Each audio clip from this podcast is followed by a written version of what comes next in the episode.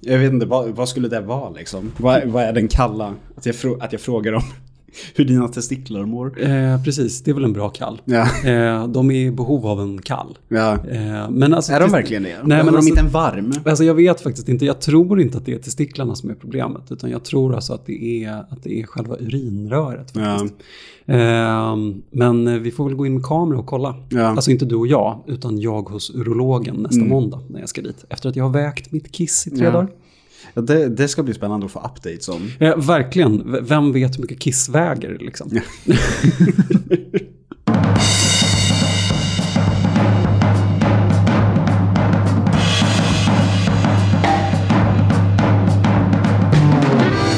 Vi är tillbaka. Det verkar så. Ja. Och eh, det, det blev ett oavsiktligt sommaruppehåll. Men alltså hur länge sedan var det vi spelade in? Var Jag- det, var det eh, fem, sex månader sedan eller? Jag tror fan det kan ha varit typ april. Åh herregud. Att vi bara, det bara blev inget. Men det säger väl också någonting om dig och mig att det nästan känns som att det inte har varit det. Att vi bara har, alltså inte spelat in. Vi har ju pratat, hur många gånger? Tio gånger om Ja. att vi ska göra det. Ja, och sen ständig kontakt på telefon liksom. Alltså det är en sån sömlös prokrastinering. Det, det säger verkligen någonting om våra, eh, om, om, Om oss. ja, om oss och om hur vi har levt våra liv Ja. på något sätt. Min ursäkt är att jag fick ett jobb. Det, det jag gör liksom, gör det här för pengar. Ja. Då orkade jag inte göra det rekreationellt. Jag undrar om jag har någon, någon egentlig ursäkt. Jag tror inte det. Men jag behöver ingen. Nej. Det är så jävla skönt. Ja. ja men du bara, ja men jag, jag knegar. Ja. Jag har bara kört. Jag har fortsatt att ha mitt jobb liksom. Ja, Så. och det funkar bra. Eh, jo men det gör det. Mm. Va, vad är det som har hänt? Vad är, vad är de stora grejerna då? Förutom du har fått ett jobb. Ja, som har- nu har gått upp på fulltid. Just det, just det. Som ju faktiskt är relaterat till, till det vi sitter här och gör. Ja, det här är ju egentligen... Jag har ju ett... eh, Nu har jag glömt bort vad det heter. En, ett showreel. Jag har ju ett showreel för ljud och video, men jag har ju ingenting för bara ljud. Utan det har ju varit det här poddflödet typ. Så det här har ju in, varit med och liksom gett min chef uppfattningen då om att eh, så här, ja, men den här personen kanske jag kan ta in på det här. Det är ju, det är ju stort. Ja, och nu sitter jag där insyltad i Media Stockholm. Det, det, det här har blivit din filthy sidechick. Ja. ja, men det här är inte ens några Patreon-pengar vi in. Det här är bara, här sitter jag oavlönad. Det här är bara njutning. Ja, det här är bara för skojs skull, jag älskar att kolla på waveforms och så här veta att här blev det en pinsam tystnad jag kan ta bort. Men hur mycket ja, tror du att det här projektet startade som en förevändning för att ses från början? Det var nog väldigt mycket det. En förevändning för att ses och för mig att, uh, forts- att så här, hålla mina skills i, ja men, up to snuff på något vis. Att stimulera? Ja, så att jag inte glömmer bort hur man använder mjukvaran liksom. Vad, hjälpte det dig i, i jobbsökarprocessen eh, rent generellt att du kände dig mer kapabel? Att du hade gjort det här? Ja, men det fanns ju fortfarande, i, när jag började så fanns det ju otroligt mycket imposter syndrome. Då, för jag behövde ju då, men det är kanske också naturligt på ett nytt jobb att jag behövde ha så här checks hela vägen. Bara så här, är min basic eh, eh, redigering av hur ljudet ska låta som jag alltid använder, är den okej? Och så behöver jag bara ha någon som säger ja. Ja. Nu behöver jag inte ens ha någon som säger ja. Nu handlar det mest om att man ska här, få innehåll godkänt och sådär. Men det har gått ganska fort också. Men det kändes som att det gick typ, vadå, det tog en vecka innan du kände som att du var på plats där va? Ja. Ja. Ja men det, ja. Jag känner att jag har kommit in i det jättebra. Jag har kul. Det är skoj. Man fraterniserar med folk i DN-skrapan. Jag vet inte om man behöver en backstory för att förstå också hur stort det är. Att jag var arbetslös. i- Gick från, från eh, universitetsstudier till antidepressiva till... Sen så gick det ett år, sen Ja. kom covid. Ja men när vi startade det här projektet, det är ett och ett halvt år sedan ungefär va? Ja, nej snart två. Är det snart två år sedan? December 2019. December 2019, jag menar då, då har ju dels, vi har ju inte setts på typ år. Nej. Alltså vi, vi, vi har, eh, jag har varit och hälsat på dig en gång i Örebro för fyra år sedan. Ja. Eh, vi har setts på två luncher kanske i stan. Mm. Men du har ju befunnit dig i exil från Stockholm, Ja. slash flyttat hem till Örebro. Mm. Och har ju, sen du slutförde din utbildning, Mm. eh, vad, vad, kan man kalla det hemmasittande eller? Ja, men jag tror det. Eh, så det är ju revolutionärt. Ja, Att du har, att, att, eh, alltså överhuvudtaget att du har fått en anställning men också att du har fått en anställning inom det området där du är utbildad. ja, ja det, det händer ju inte. Det är helt bananas. Men och, jag vill också poängtera att det här jobbet kommer ju inte överhuvudtaget med hjälp från Platsbanken. Nej. Det, det, det här är bara så här kon, kontakter liksom. Hur, hur har ditt liv bara rent generellt förändrats sen du fick ett jobb? Eh, Det känns som att jag har en, jag, jag, att jag har, har lite mer av ett syfte tror jag. Mm. Och sen är det också, det är en kreativ, varje arbetsdag är en kreativ övning. Så det är ju, jag får hela tiden hålla det i, ja men up to snuff också. Vad har varit svårast Vad har varit svårast? i omställningen? Eh, Att komma in genom den sista snurrdörren på jobbet. Ja. För det var, bara, det var typ förra veckan jag lärde mig tricket för hur man gör det problemfritt. När jag hade stått i 30 sekunder med en så här tjej bakom mig som stod och tittade i telefonen. och jag stod och så här, blippa kortet ska slå, göra bla bla bla. Eh, och så gick det inte och då bara backade jag och tittade så här. Men, ja, jag, jag, är rätt, jag precis börjat jobba här. De bara, ja, man måste göra så här, typ. Och eh, ja, det var, det var svårast, men nu är det gjort. Jag har fortfarande inte lokaliserat köket dock. Right. Ja. Men det känns väldigt mycket som en arbetsplats där man inte äter medhavd lunch. Eh, det gör nog inte det, men jag tänker ändå göra det. Ja. För jag vill inte, jag, jag vill lägga pengar på annat. Ehm, jag, jag stödjer det. Jag har Fessenjon i frysen som min sambo då inte tyckte var sådär jättegod. För ja, han är ju från, du vet vart han är ifrån. Just just det. Just det. Eh, Så då ska jag ju ta med det till jobbet och säga Jag sitter här och äter iranskt! det får ingen annan! Oj, jag måste göra en sallad till det. Men ja, så jag måste lokalisera köket, men sen så är jag integrerad. Stort. Ja. Men ja, för dig då? Du har fortsatt jobba, du har haft en sommar. Eh, Jag har haft en sommar. Nej, men jag, jag tror att det som, eh, det som har hänt i mitt liv är ju samma sak som har hänt i resten av Sveriges befolkning. Att man har blivit vaccinerad och Ja, jag börjat, eh, börjat förhålla sig lite mer till, till världen utanför på något sätt. Ja. Eh, och för mig, för mig är det bara stress. Alltså jag har bara ångest över att, över att samhället ska öppna upp igen. Ja. Eh, Jag, jag, med. Jag tror inte att det kommer öppna upp riktigt. Det såg du flasharna igår? Ja, jag gjorde det. Ja. Nej, men alltså, det, det, det, finns, det är en massa saker som jag har saknat. Eh, men, men det är också väldigt mycket som jag... Alltså, och, eh, det är ju bra för mig att det gör det. Eh, jag har ju eh, följt minsta motståndets lag väldigt mycket under de senaste åren tror jag. Eh, och bara, bara följt med eh, downstream. Ja. Eh, och insett att jag, alltså jag tycker att det är jobbigt att beställa på ställen. Eh, det är så konstigt Var har... det därför jag fick göra det på lunchen i fredags? Ja, jag tyckte nog att det var väldigt skönt att slippa tror jag. Ja, Att men, jag- men också bara rent praktiskt. Men, Eh, precis, ja, det var väldigt enkelt. Maten stod där när jag kom. Ja. Helt underbart. Eh, nej men, jag, nej, men det, det, det stämmer nog. Alltså, jag, eh, jag har väldigt svårt att se mig själv om jag skulle liksom gå förbi en pizzeria på vägen hem. mm, Att beställa där. Alltså jag, måste, jag måste ringa in och beställa och gå därifrån. Jag har blivit så otroligt eh, enkel av mig. man måste ju vara säker på att pizzan finns inne. Och det är så konstigt för att jag har liksom, alltså jag har ju ett jobb som till 99% utgår från social interaktion. Mm. Ehm, men i mig så har jag blivit jätte, jättedålig på det. Men det är väl en förändring då inom dig, för du har ju varit den personen som kunde gå ut själv på krogen Ja. förut liksom.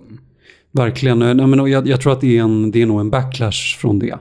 Eh, tror jag. Alltså, men jag, jag kände det lite när jag, när jag slutade supa. Mm. Ehm, När vi blev vuxna. Ja, precis. Det har också hänt. Jag har ett helt nytt förhållande till mitt eget drickande. Men eh, det orkar jag inte ens gå in på. Nej. Det, Men, eh, men vad heter det? Eh, nej, men när jag slutade, när jag slutade kröka så fanns det ett sånt fruktansvärt behov hos mig att bara göra ingenting. Ja. Att sitta och, och alltså inte ha någon press på mig, att inte behöva ragga upp någon för, och ligga med för att ha någonstans att sova. Inte försöka ragga upp någon för att de skulle köpa öl till mig för att jag var pank. det där jävla hemlösa livet du levde där Ja, eh, alltså det, det har nog tagit ut sin rätt till den nivån att jag har gjort det så mycket att jag nu tycker att sociala interaktioner är ganska obekväma. Ja. Eh, men, men det gäller nog också bara att försöka identifiera det och komma över det. För jag vill ju inte leva så. Jag, jag, jag vill vilja någonting annat. Mm. Så att jag får... Eh, jag, tror att det handlar väldigt mycket om att dra av ett plåster. Ja. Eh, jag är väldigt glad över att biograferna öppnar. Jag har saknat att gå på bio. Väldigt, väldigt mycket faktiskt. Så att, eh, och egentligen saknar jag nog att gå på bar. Ja. Eh, så att eh, jag, ska, jag ska skärpa mig och Ja. eh, ta, ta vara på att, att livet går att leva igen. tror Ja. Ja, Jag, jag väntar ju fortfarande på att de, den här optimismen ska komma tillbaka och bita oss i röven. jag. Mm. Så det... För jag var också väldigt bekväm med det här sitta hemma-livet. Liksom. Du, det förstår jag. Det var bara så här, shit, nu har resten av världen det som jag har det jämt. Men nu kör vi. Och sen så här, att kunna ge folk, stirra på folk för att de står för nära i köer och sånt. Ja, men det var ju fan, det var ju livet. Men det, det tror inte jag kommer förändras heller. Det kommer ta lång tid innan man känner sig bekväm med att någon ställer sig lite för nära. Jag är väldigt förvånad över hur snabbt det gick. Att folk är helt gränslösa med att andas mig rakt i ansiktet Ja. på tunnelbanan. Vä väldigt mycket så här, Ja, liksom som att det var någonting vi brukade göra. Ja. Det är nästan som att de vill så här, njut av det här. jag började börja ta på främlingar. Saknar du inte det här? Ja. Saknar du inte att andas min luft? Här, helt plötsligt så blir de där vid, vidriga psykosalkisarna. Bara, nu kan jag äntligen gå in i folks space igen, som jag gjorde förr i tiden. Jag, så, I början av pandemin så pratade man pratade mycket om så, här, i Frankrike och sådär att man hade eh, vant sig av vid att kindpussa och det var så svårt rent kulturellt Ja. för att så här, bla bla bla bla bla. Eh, jag tror att kramen är död va? Jag saknar inte kram, eh, krambehovet. Jag saknar ju bara, jag vet ju inte hur jag ska hälsa på folk. Nej. Jag är ju, eftersom jag är ny på ett yrke nu, så det är ju väldigt mycket hälsande på så nya, ibland så här rätt eh, betydelsefulla personer rent offentligt. Och så här, jag vill ju då hälsa med hela handen. Ja. Men så här, det går inte. För att alla, alla är så på väg framåt och göra Ja. det, men det händer inte. Eh, Precis, Jag- sträcker ju fram armbågen bara för att, för att visa, alltså just för att den där lilla pausen Ja. är så fruktansvärd. Åh gud, det är den verkligen. Eh, den är så obehaglig så att jag, jag tar bara, alltså efter att jag blev, eh, eh, blev armbågad i ansiktet eh, när jag gick in för en kram i början av pandemin så, så har, har jag lärt mig. Men det, ja. Nej, nej, men jag saknar ju som sagt det lite.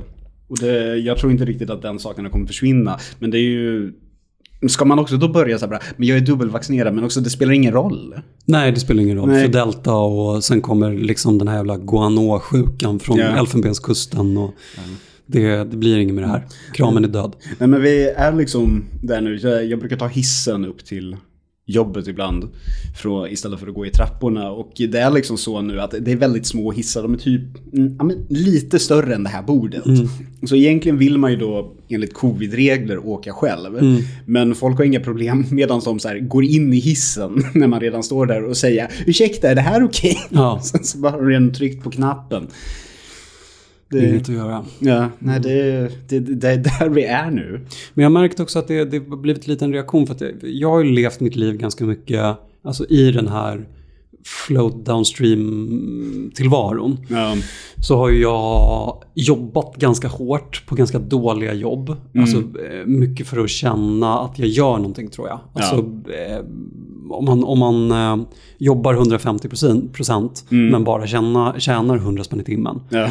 så får man ju känslan av att man gör någonting. Man får en ganska trivsam offerroll också. Eh, för att man, En riktig proletär. man skulle kunna vara arbetarklass. Ja. Ehm, och eh, sen så har jag belönat mig själv genom att bränna exakt alla pengar på att göra extremt elaborerande resor. Mm. Eh, som har varit rätt fantastiska men eh, krävt jävligt mycket planering och jävligt mycket energi och sådär. Ja.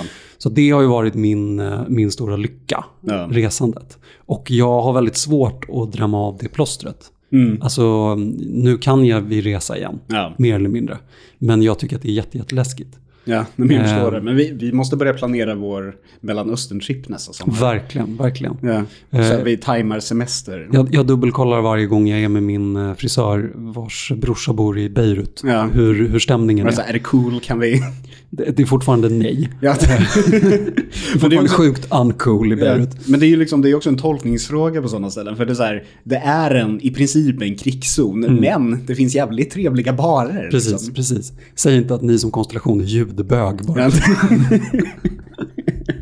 Men, vi får ta en turné för det här, från Beirut och sen säga att eh, vi ska till Eh, vad heter det, det där stället? Nå någonting i Jordanien. Mm.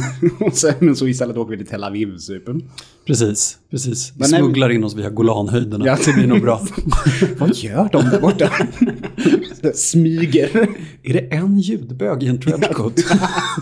Men eh, ska vi ta och komma till ämnet nu, vilket är Kalla faktas incel-dokumentär. Mm. Alla vet ju egentligen vad Kalla fakta är. Mm. Och jag tror att alla vet typ vad incels är nu. Precis, det är bara det att Kalla fakta visste inte det. Nej, de hade ingen aning. Och de tog det allra tråkigaste. Men Kalla faktas approach känns ju som att de ska göra en, eh, alltså, en nybörjarkurs utan att någon egentligen ska lära sig någonting. Ja. Eh, alltså att man bara utgår ifrån att, att det här är det första någon hör om det här, om det här ämnet. Liksom. Men det är väl det det är egentligen också, tänker jag. Alltså publiken som ser på Kalla fakta, de kanske aldrig har hört talas om det här. De kanske bara har...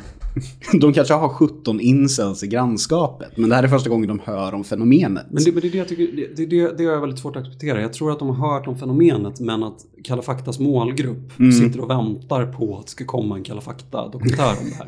jag, jag, jag har vänt och vridit på det. Ja. Eh, men, men det är det enda jag kan komma fram till. Ja. För det har ju också blivit en snackis. Ja. Och det är ju egentligen helt orimligt. Ja. För att de säger ju ingenting. Nej, men det har ju också blivit en snackis bland så här, om man ska vara sån ryggdunkar-aktivisterna här. Mm. Bara så här, kvinnor gör inte så här när de blir, inte får ligga, typ. Och de bara så här, det här är ingen own. Det är, för det är ju väldigt mycket att man ska inte prata om det som ett samhällsproblem. Alltså, man ska prata om det som någon form av så här patriarkatet-problem. och Jag vet inte. Ja, men det, men det är också att de spaningarna som har kommit ur exakt den tanken. Ja, uppfostra era Eh, söner bättre. Ja, men uppfostra era söner bättre. Eller det, är så här, det, det, har- det har släppts två ganska raljerande artiklar. En i, i Göteborgs-Posten Mm. eh, och en i, i Aftonbladet. Ja. Eh, den i Aftonbladet är skriven av eh, Jenna Al-Mosaidi. Mm. Eh, och eh, alltså tar ju upp just det här Alltså just den här offerrollen som presenteras för dem när man gör en sån typ av dokumentär som Kalla fakta har valt att göra. Ja. Alltså där man bara låter dem orera fritt på något sätt. Och bara ställer helt öppna frågor. Och bara alltså, är nöjd med att presentera det resultatet på något Ja. sätt. Ehm, mm, och det som är gemensamt för de här två eh, ganska raljanta eh, artiklarna, eller krönikorna som har skrivits om det här programmet. Det är ju dels att det verkar som att de som har skrivit artiklarna inte heller har tagit del av debatten innan. Nej. Alltså de har inte någon riktig analys utan eh, Jenna skriver då i Aftonbladet att eh, det är inte kvinnors uppgift att curla dessa män som bebisar. Varför inte vara självständig och gå i terapi och prata om dina känslor? Eh, och i Göteborgs-Posten då eh, så skrivs det eh, kvinnohatet hos deras, dessa incels till män. Väldigt konstigt sätt att uttrycka sig. Ja. Incels till män. Ja, hon kanske, hon kanske också upptäckt fenomenet femcells, för vi, vi kommer dit. Det, jag, jag tror att du tar det för långt. det finns Eh, grader i helvetet ja. här. Vi är på väg dit. Eh, ja, men i Göteborgs-Posten då. Mm. Eh, så, eh, så skriver Alice Adler också att det är till följd av alla kvinnors eh, alla timmar i, i terapistolen. Eh, som gör att det inte finns någon kvinnlig incelrörelse. Vilket för, för, för det första är fel. Ja, den Eh, finns. Den finns och, och för det andra så, så är det en sån märklig analys. Och eh, att, att båda de gör det, Mm. tänker jag också, det, det, det måste ju någonstans vara Kalla faktas fel. Mm. Eh, blandat då med en så bristande analytisk förmåga eller någonting. För att om det var någonting som var självklart när man såg det där så var det ju alltså inte bara att det fanns en liten brist på terapi. Utan att man vill, jag, jag ville ju ringa ambulans. Ja. och att båda de två som var med i Kalla fakta som de hade lyckats hitta var autister. Nej men, och jag menar den ena var ju uppenbar, alltså han, han kändes ju som att han var psykotisk tycker jag. Alltså att han, han hade ju behövt köras till psykakuten direkt. Han höll ju på att få ett breakdown. Ja, han var väldigt, väldigt blackpilled på gränsen till ta livet av sig. Nej men jag, på allvar, jag, jag, Ja, jag jag tyckte vet. verkligen att det kändes så. Eh, och och jag, jag, jag, jag blir förvånad någonstans över hur, alltså jag ska inte sitta här och downa på. Men, men att en dålig dokumentär leder till dåliga texter bara. ja. Eh, Men det är väl men också när man säger det så så låter det väldigt självklart. Men det är väl också det här att incel som ord, det har fått en ny mening och ersatt det som troll var för några år sedan. För folk började, när, när troll började introduceras i alldagliga människors vokabulär, då betyder det ju till slut vem som helst som inte håller med mig på internet. Det. När det från början var någon som avsiktligen jävlades på Mm. internet. Medan nu är alla meningsmotståndare istället incels. Mm. När de egentligen förmodligen inte är det. Nej men precis, och ryska spioner. Ja. Alltså personer som gör faktiskt dataintrång. Ja. Eh, är ju också ryska nättroll. Ja, ryska nätincels. Ja, precis. eh, nej, nej men eh, verkligen, det känns som att det, här, det finns ingen, eh, det, det, finns ingen, eh, ingen orsak och verkan Nej. i hur de har lagt upp hur det här begreppet kommer till. Mm. Eh, utan det är just bara att man, eh, man, man väljer att presentera det som ett vakuum bara. Mm. Ja. Ja, och sen så förstår folk är ju inte tillräckligt online heller tror jag för att förstå det. Ja, men för incel som fenomen är, förutom då när det leder till IRL-brott, är ju ett helt och hållet online-fenomen. De här personerna som de kurerar online och åsikterna de kurerar, det är ju liksom inte, det, det handlar inte riktigt om någon verklighet egentligen. Nej, och det är ju Kalla fakta ändå inne på. Mm. Alltså i och med att de ju försöker att ta ut dem i, i friska luften och konfrontera dem. Tar ut honom till rålis. Ja. eh, och det går ju inte. Nej, det, så kan de inte ha det. Eh, för då får jag nästan ett psykotiskt break. Ja, ja, han kan ju inte bemöta det han har skrivit. För ja, men det vet ju alla att det är mycket lättare att skriva saker online. Ja. Att man hela tiden ska använda det som någon form av own. Jag tycker att det blir väldigt gammalt, för nu vet vi att det är så. Ja men precis, i alla fall om man bara använder det som ett own. För att jag menar det hade ju varit en otroligt intressant diskussion. Alltså Ja. kring just online versus IRL. Ja. Men det väljer de ju att bara fullständigt ignorera. Ja, de, de vill ju väldigt gärna att det här ska vara det. Att de ska få pris för bästa gräv om framtida terrorister, typ. Ja men även, även det hade ju varit intressant om de hade gått in på alltså, alltså det våldsbejakande på något sätt. Men, men Kalla fakta-dokumentären är ju, alltså de- den är ju, när den är som sämst är den ju ingenting. Ja. Och när den är som bäst, när de försöker att påvisa någon slags orsak och verkan, när de kopierar New York Times-podden eh, Down the Rabbit Hole, Ja. så är den ju bara plagiat. Eh, och mycket sämre än det. Alltså, Ja. Och, och eh, de, eh,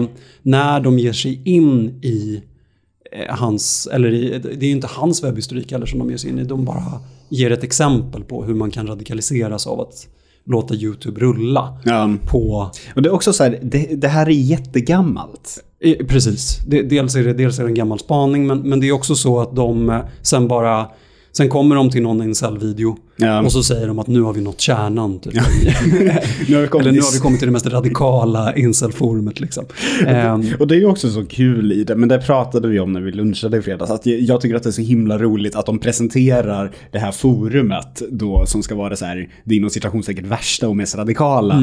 Att det skulle vara att det är typ någon form av dark web-grej. Ja. När så här, vem som helst kan skaffa ett konto. Vilket då den här reporten gör. Och sen så är det som att de vill dölja saker för att så fort han börjar fråga om intervjuer så blir han blockad Ja. från sajten. Det är så här, det är inte... Vad trodde du skulle hända? så parodiskt ljusskygga. Ja. Ja. Jag kommer och säger den här rörelsen som inte vill få fokus på sig blockerar mig. Nej, men det är jättekonstigt för att jag menar, det finns ju ett, ett, ett eh, boomer-program om det här. Ja. Med Robert Aschberg. Som jag aldrig har sett. Men som jag tror är att han åker runt Trolljägarna. i Trolljägarna. Jag älskar det. Att han bara åker runt till folk som har skrivit saker online som en annan Shoah-person och bara tvingar dem att konfronteras med det. Eh, så Han att är jag menar, judisk va? eh, Robert Robert Aschberg? Aschberg? Jag vet inte. Jag för mig det. Det är han säkert. That makes perfect sense. Absolut. Ja. Vad heter det? Men, eh, nej men och, och, om det redan har gjorts i Boomer-TV Ja. så förstår jag inte vad Kalla fakta ska få ut av att loss... Eller det är bara för att loss, göra, skapa dramatik kanske. Mm. Nej, men det, också, det där tänkte jag inte ens på när jag såg det. Att det är ju de facto ett avsnitt av Trolljägarna. Ja, utan att vara bra på det som trolljägarna gör, det vill Ja. säga konfrontation. Ja, för Troll- Trolljägarna är 10 av 10 TV. Men de, de, här krönikorna då, de blir ju irriterade över det. Att Kalla fakta gör just så. Att de inte är konfrontativa utan att de låter det här agera som en snyfthistoria. Ja. Men, men jag tycker inte att det är... Alltså, jag, jag, jag vet inte om, om jag bara är, är, är så med på vilka de är. Att jag inte... Att jag inte... Jag känner ju inget, eh, ingen sympati för dem. Nej. Eh, Och det vet jag inte om tanken var att man skulle göra det. Att man bara skulle se dem som ledsna små killar. Men jag fick inte känslan av att det var det som... Att det fanns någon... jag- fick inte känslan heller av att det fanns någon tanke överhuvudtaget i och för sig. Men, Nej. ehm, men att bli irriterad över att de... Att de inte har en, en, en, en skälig argumentation. Mm. För det är ju det som de här krönikorna syftar till. Eller att Kalla fakta inte ställer sig och säger emot dem när Ja. de pratar om det här. Det tycker jag också är väldigt märkligt. Jag menar, det är ju inte så man, det är inte så man gör. Nej, det, det är ju för att förväntningarna från aktivistallmänheten på journalistik lite har förändrats. Man kan inte längre få låta vem som helst berätta en story. Allting ska hela tiden bemötas och ifrågasättas. Och det blir ju bara ett tråkigt medielandskap då. Nej, men det blir tråkigt. Jag tyckte ju att den här var, var eh, alldeles för raljant, den här dokumentären. Alltså jag tyckte ju att de var alldeles för on the nose med just att de försöker att lägga fram det som att det här är ett hemligt forum. Ja, Och så fort man säger någonting dumt så blir man blockad. Och att de försöker att lägga fram det som att de bara på YouTube har kommit in i liksom det mörkaste mörka av incel-tornadon. Ja. Eh, Det, alltså det är ju en, eh, en överskattning av vad de har gjort. ja, Som jag blir förvånad över att journalis- journalisterna inte reagerar på. Ja. Eh, faktiskt. Nej men hela den, jag, jag, jag fattar inte. Han lät verkligen som en gubbe. Och han såg ut att vara i vår ålder. Han, han som gjort dokumentären? Ja, eller reporten liksom. Han betedde sig verkligen som en boomer. Ja. Ja, jag ska sluta och, och, och negga både på dokumentären och på reaktionerna liksom. Ja, Men, eh, men, men det jag undrar är, alltså om det är så att det här är första, det första som eh, någon form av boomer-generation kommer i kontakt med gällande incel-rörelsen. Ja. Vad är det de har lärt sig egentligen? Förutom ordet. de, de har lärt sig att deras väninnors söner som är lite eljest kanske kan vara en sån där incel. Ja men just det, de blir rädda för, att, för, för den mörka manligheten på nätet eventuellt i en Ja. annan utsträckning än vad, de, än vad de var från början. Ja, jag tror att men det är ju, jag tyckte ju att de körde väldigt hårt på vinkeln att alla de här personerna är framtida terrorister för att de hatar kvinnor. Det är också sån där, det känns som en väldigt svensk vinkel på det här problemet också. Ja, precis. Nej, men det, det jag funderar på är om de belyser just det faktumet att en person kan vara en helt normal person i IRL och en helt jävla bananas person på nätet. Ja, Alltså att, att det var det som gjorde att funktionen blev viktig med hans så kallade försvarstal eller något sånt där. Och också hans cop-out i slutet när Ja. han inte kände att han fixade det. Mm. Jag menar, han säger ju mer eller mindre rakt ut att det är som att jag har två olika personligheter. Ja. Alltså vad behöver ni för annat tecken på att människan är schizofren? Ja. jag vet inte. Ja. Men, sen han andra, han var ju bara... han var ju bara lite ful liksom. Det, det var ju det som var synd om honom. Ja. Att, han, att han förmodligen var lite ful. Den andra snubben var ju lång. Då var det förmodligen bara för att han var helt knäpp som man inte fick några brudar. Båda de här um, krönikorna, till dels den i Göteborgs-Posten och den i Aftonbladet, båda Ja. de tar upp um, att de ifrågasätter uh, deras verklighetsuppfattning Mm. i att um, om de bara klippte sig och skaffade ett jobb Mm. så skulle de få knulla hur mycket som helst. Ja, ja, nej, det är inte riktigt så det funkar. Alltså, och jag, jag, jag tycker att den, den analysen är så otroligt konstig. Den är självgod också. Alltså, för att jag menar det... Det, det, är väl självklart att det, det skulle kunna vara så, men det, det är ju bara att dodga problemet på något sätt. Ja, Nej, men det, det är väl också för att de hela tiden, man vill inte ta liksom i kärnan av vad den här inom väldiga citationstecken rörelsen handlar om egentligen. Den handlar om folk som inte liksom var med på att samhället förändrades. Nu är det liksom, det har ju blivit så att kvinnor har, utbild de har utbildningen i större och större utsträckning och, det är bara, och fler och fler män slutar plugga vidare. Och liksom det, har, det har flippat lite, så det handlar ju om att samhälle, och kvinnor behöver längre inte ligga med vem som helst. De, kan, de har ett val, för en gångs skull. Och sen så är det de här människorna då som blir left behind för att de inte får, har någon plats i den formen av ny social ordning. Ja, men och det är ju ganska många poddar den här veckan faktiskt också som har behandlat. Alltså den orsak och verkan som, som Kalla fakta fullständigt ignorerar. Ja. Eh, och jag tror att det var Stormens utveckling också som tog upp det faktumet att eh, i slutändan så kommer ju inte det spela någon roll. Nej. För att kvinnor kommer ju inte kunna välja i den utsträckningen i slutändan. Nej. För att om det blir en majoritet välutbildade kvinnor så kommer ju de bli tvungna att Slum it down. ligga neråt så att säga. Åh, oh, är du biljettkontrollant? Vad vad intressant. Oh, ja, det är makt. Ja, jag är... eh, Jag, jag, leder, jag har en startup. Eh, nej men och, och jag menar den... den eh, Men för det är väl så, samhället har, är väl på väg att tippa lite på det sättet. Jo men absolut. Eh, och framförallt i, i, i Sverige är det ju verkligen så. Ja. I, i allt eftersom medelklassen växer. Mm. Eh, och jag menar det, eh, det händer ju i, i, alltså från i USA och i Afrika också såklart. Ja. Eh, men, men, men jag blir ändå förvånad över den liksom affektbaserade analysen som de gör. För att det är så, känslan är ju att de i, i sina krönikor, Mm. att de känner att de blir tvungna att, att fria sig själva från skuld. Alltså att när de har sett den här dokumentären så har de känt att att deras incelmännen, så att deras analys Mm. är så oemotsagd Mm. att, att kontentan av dokumentären blir att man lägger ansvaret på kvinnorna. Mm. Eh, och jag, jag förstår inte riktigt Nej, inte jag heller. vad, alltså varför ska man försvara sig mot det? Det, det kan ju inte vara någon som, som tror det, eller? Ser någon Kalla fakta-dokumentären och tänker att Wow, brudar, fan vad de är dåliga. ah, fuck dem, liksom. Alltså, Fuck B-brudar. och, och jag menar, nu har ju inte Kalla fakta med det överhuvudtaget, alltså hela Jordan B. Peterson-eran och, och liksom den svansen som faktiskt säger att de tycker att det här är det som händer när patriarkatet faller. Ja. Det, det, som händer är att män blir terrorister. Ja. Och om det är det de då, utan att egentligen ge någon kontext för det, försvarar sig mot. För att i det lilla mikrokosmoset som är den här dokumentären och svaren på den här dokumentären Ja. så måste det bli väldigt förvirrande om man inte har någon kontext. Man bara, vad är det som pågår? Varför får de här killarna inte ligga?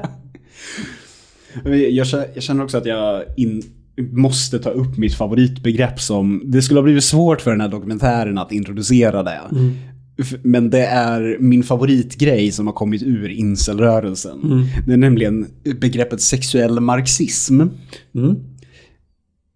Du, är du bekant med det? Jag är bekant. Ja, Ja. det betyder ju i princip att alla ska ha samma förutsättningar på den sexuella och emotionella marknaden. Så eh, staten ska ge mig en fru. Ja, Det är jättekul. Det är jätte, jätteroligt. Och jag har sett folk i Facebookgrupper argumentera för det här på väldigt seriösa sätt. Och varför det här, och inte på någon form av så aggressivt sätt. Eller det beror ju på om man ser, om man ser den här grundpremissen att alla ska tilldelas en fru. Om man bara skiter i att den är eh, jätterolig och bara ser den för, ja men om den skulle vara ett seriöst argument som går att applicera på verkligheten. Nej, Jag vet inte riktigt vad jag var på väg. Jag ville bara prata om sexuell marxism för att jag roligt. tycker att det, det vår fru. Det är väldigt kul. Nej, men det är också väldigt roligt Folkets att, de kallar fru. det, att de kallar det marxism Ja. bara för att det är lika för alla. Liksom. Ja, ja men, Men, Det är eh, jättekul! men det är ju verkligen alltså, det är ju dödsrosslingen från patriarkatet. ja. I liksom övergångsfasen nu till att liksom från att det, det går ju inte. Hur skulle frublanketten se ut? Men vi har ju fortfarande vapnen. Vi har ju fortfarande makten. Vi har ju fortfarande vårt våldskapital. Kan vi inte tvinga folk liksom? Vilken myndighet skulle man signera hos, med bank-id hos för att få sin fru? Men, men är det här, om man, om man bara tänker rent så här topografiskt, är det här första, första steget är ju att legalisera prostitution va? För att ge dem möjligheten Bara det rent eh, kötsliga. att bli av med, sina, med, sin, med sin kötsliga lust. Ja. Och steg två, eh, eh, var, var kommer legalisera våldtäkt här? Kommer det innan eller efter? Jag tror det kommer efter. För det måste ju vara det som legaliseras då när de märker att tillgången till prostituerade inte räcker till. Ja men precis, det kommer efter legaliserad prostitution. Ja. Som ju på eh, ett eller annat sätt också är att legalisera. Det heter sexarbete. Ja, Folk som onar i cam och går på gatan är samma sak. Just det. Just det. Eh, nej men det är ju ungefär att legalisera människohandel och sådär. Ja. Det, det tyckte jag kanske var det mest revolutionära faktiskt med den här dokumentären. Mm. Eh, Att han sa att han inte trodde på människohandel. Ja, det var Att jätteroligt. det skulle varit en myt. Han sa väl till och med så här, siffrorna går inte ihop. Och man bara, vilka siffror? Nej men eh, precis, siffrorna går inte ihop. De har ju bara snott eh, alltså förintelseförnekar-argumenten Ja. då.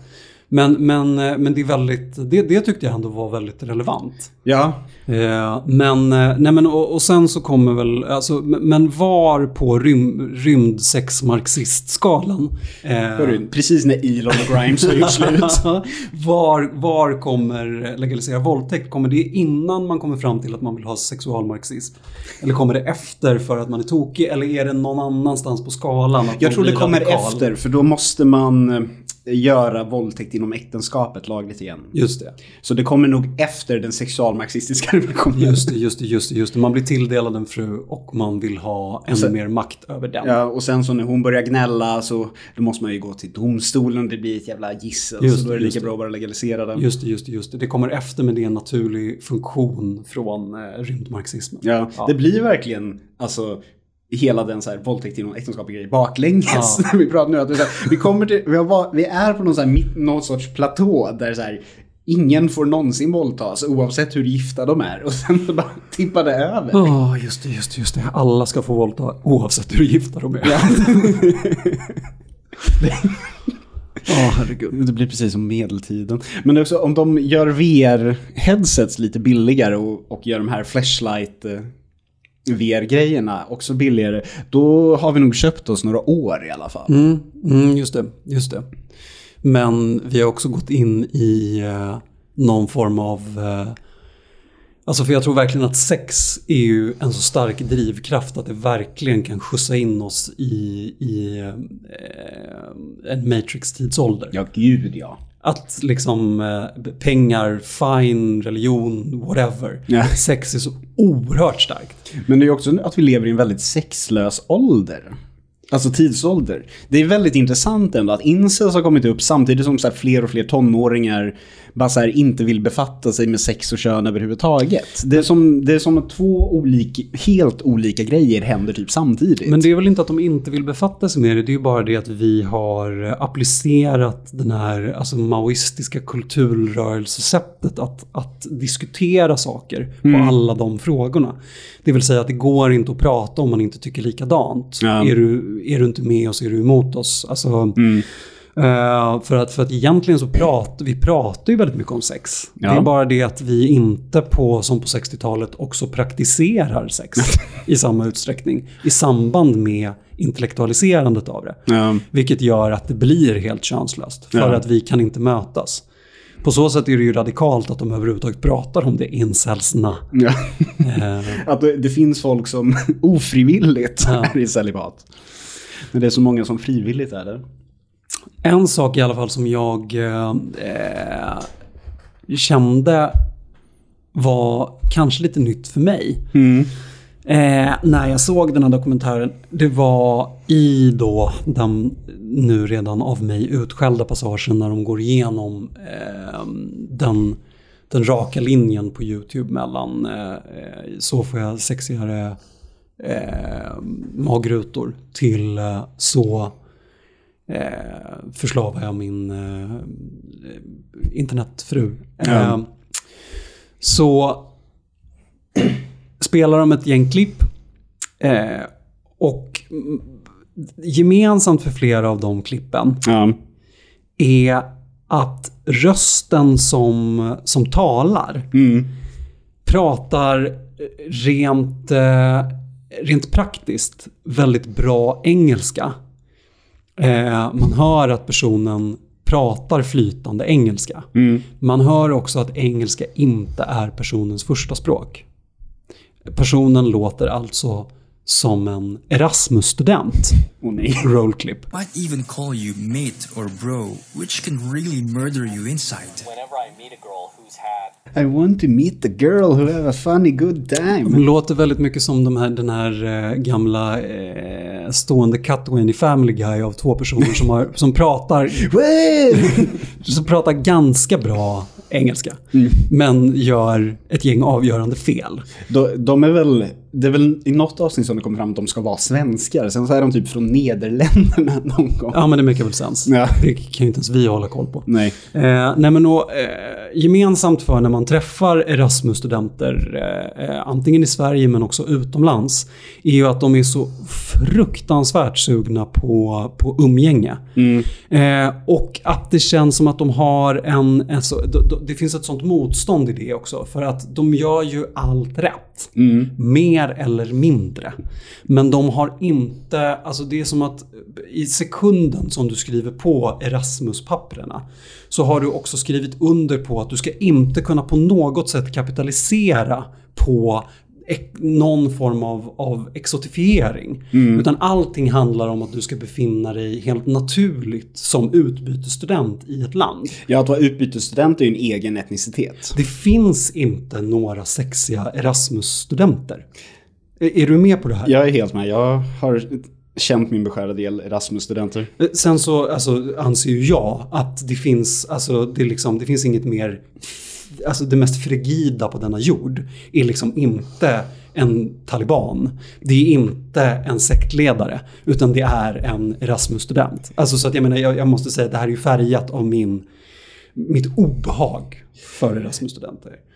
Nej, jag skulle verkligen inte beskriva dem jag träffat som frigida. Nej, nej, Allt nej. de har varit sugna på har varit sex och knark. Absolut, men det finns något så fruktansvärt könslöst över dem. Alltså de, Ja, är, ju, de är ju jättekåta. Ja. Det, det, men det är liksom, men det, men det finns något så otroligt, eh, alltså det är så, det är som att de är Barbies liksom. Eh, Jag förstår vad du menar. Eh, vad heter det, jag, jag har blivit raggad på av, jag vet inte hur många Erasmus-studenter. Hello, are you pretty model? Och det är ofta vanligt också att de är så sugna på, på att ha trekant till exempel. Mm. Eh, när jag var i Paris med mitt ex så blev vi raggade på av, av, eh, av Erasmus-studenter som ville ha trekant. Eller fyrkant eller femkant, jag vet inte om hur många som helst. När jag var i Sarajevo senast så träffade vi en schweizare som liksom inte took no for an answer. De försökte att liksom arbeta sig fram på ett, på ett helt okej sätt. Det var inte tjatigt överhuvudtaget utan mer ett problematiserande kring liksom begreppet så här att jag inte ville knulla med honom. eh, och eh, eh, min- tes är i alla fall att de som gör de här klippen, de här Erasmus-studenterna, de är ju i ett anglosaxiskt land. Ja. De pratar engelska. Men de klarar inte av att komma över den här, den här sociala spärren. Nej. Och de klarar inte av att kapitalisera på att de, är, att de skulle kunna vara kanske lite mörka och sexiga. Det är väl också det här att Erasmus-killar är väldigt ofta... De är oftast väldigt, inte så hög status som sexuella partners. Nej. De är ofta lite weird, lite konst, alltså konstiga och lite så här awkward. Medan Erasmus-tjejer, de är ju typ alla så här woo-tjejer. Jo men precis. Eh, De är woo-tjejer och de behöver inte göra så mycket. Nej. Eh, Och de behöver bara hålla sig borta från Erasmus-killarna. Ja. Eh, gud det låter som jag säger Erasmus-killar. But that's Men- you. Men eh, vad heter det? Men- Men Erasmus eh, ki- killarna då. De, eh, de har alla de här behoven och, och precis som du säger så, så, så är de ju eh, ja, men de är som i en unik, eh, i ett unikt underläge på något sätt. Ja. För att det, jag tror att just, just att vara student och kille är väldigt osexigt. Ja, det Över, bättre, det överhuvudtaget. är bättre att bli doktorand och kille. Ja, men det, även det tror jag. Jag tror, jag tror att liksom läkarstudenter har, eh, trots att de ju jobbar som AT-läkare, jag tror att det är svårt att, att knulla då också. Jag tror att det är liksom, sam, liksom när du får din legitimation, då börjar knullandet. Men de har väl inte tid med det innan dess heller? Eh. Allt de gör är att jobba och ha praktik. Precis, och det är därför de knullar med varandra. Ja. Tack Grey's Anatomy. Ja. Eh, eh, ett eh, ganska bra manifestering på hur det ser ut va? Tror jag. Läke, lä, när jag pluggade så läkarna hade ju ett helt eget campus några kilometer bort så jag vet faktiskt inte vad, det, vad de höll på med för shenanigans där. Jag, jag tror att eh, studenter egentligen rent knullmässigt mår absolut bäst i mikrokosmos Lund. Ja, Alltså där det bara bor studenter. ja, Där det finns ett helt egen, en egen sexuell köttmarknad liksom. Eh, men, men att om och man... klanbråk. Men, men i en Erasmus-miljö så hamnar du ju i vida världen. Ja. I den stora, liksom, eh, i stora Stockholm. Där man behöver på något sätt utgå ifrån de helt vanliga reglerna. Och där är det helt omöjligt. Liksom. När jag hade som mest sexuellt kapital så berättade jag ju inte att jag gick på folkhögskola. Nej, nej det förstår jag. Alltså för det, eh, så här, jag målar med fingerfärg. Alltså EU i sig, även i studentkosmos, inte särskilt sexigt. Jag pluggar filmvetenskap. Hade jag, hade jag sagt det hade inte jag legat med några Erasmus-studenter ens. Nej. Nej. Eh, men i alla fall så, de, de, de klarar inte av att kapitalisera på någonting. Nej. Det är ett helt omöjligt motstånd att komma upp. De har allting som krävs egentligen. De Ja. har det intellektuella, men man, man kan, som Erasmus-student, så kan man inte komma vidare. Nej. Och det är de som gör alla incel-videos på nätet. det är också de som gör alla Matrix-videos på nätet. Ja, mm. Det är också de som gör alla alien-lore-videos på nätet. Varför just Alien Law? Vad har det med incels att göra? Nej, nej, det har inget med incels att göra. Det har bara med att du väljer någonting. Alltså, du sitter i din Erasmus-miljö. eh, du har runkat klart. Och du är antingen nöjd med det och snör in på Matrix. Eller så är du jävligt onöjd med det och då gör du incel-videos. Så att om vi gör någonting för att Erasmus-studenter ska kunna knulla så tror jag att vi löser åtminstone halva problemet. Ja, men då försvinner YouTube-radikaliseringen. Precis. Som jag fortfarande inte vill kalla radikalisering. För att någon står och säger “Girls are like totally not cool man”. Jag vill inte kalla det för någonting som kommer förändra mina värderingar i grunden. They have special ways to put you down. Alltså det är som att de nästan försöker att låtsas som att de låter som en robotröst.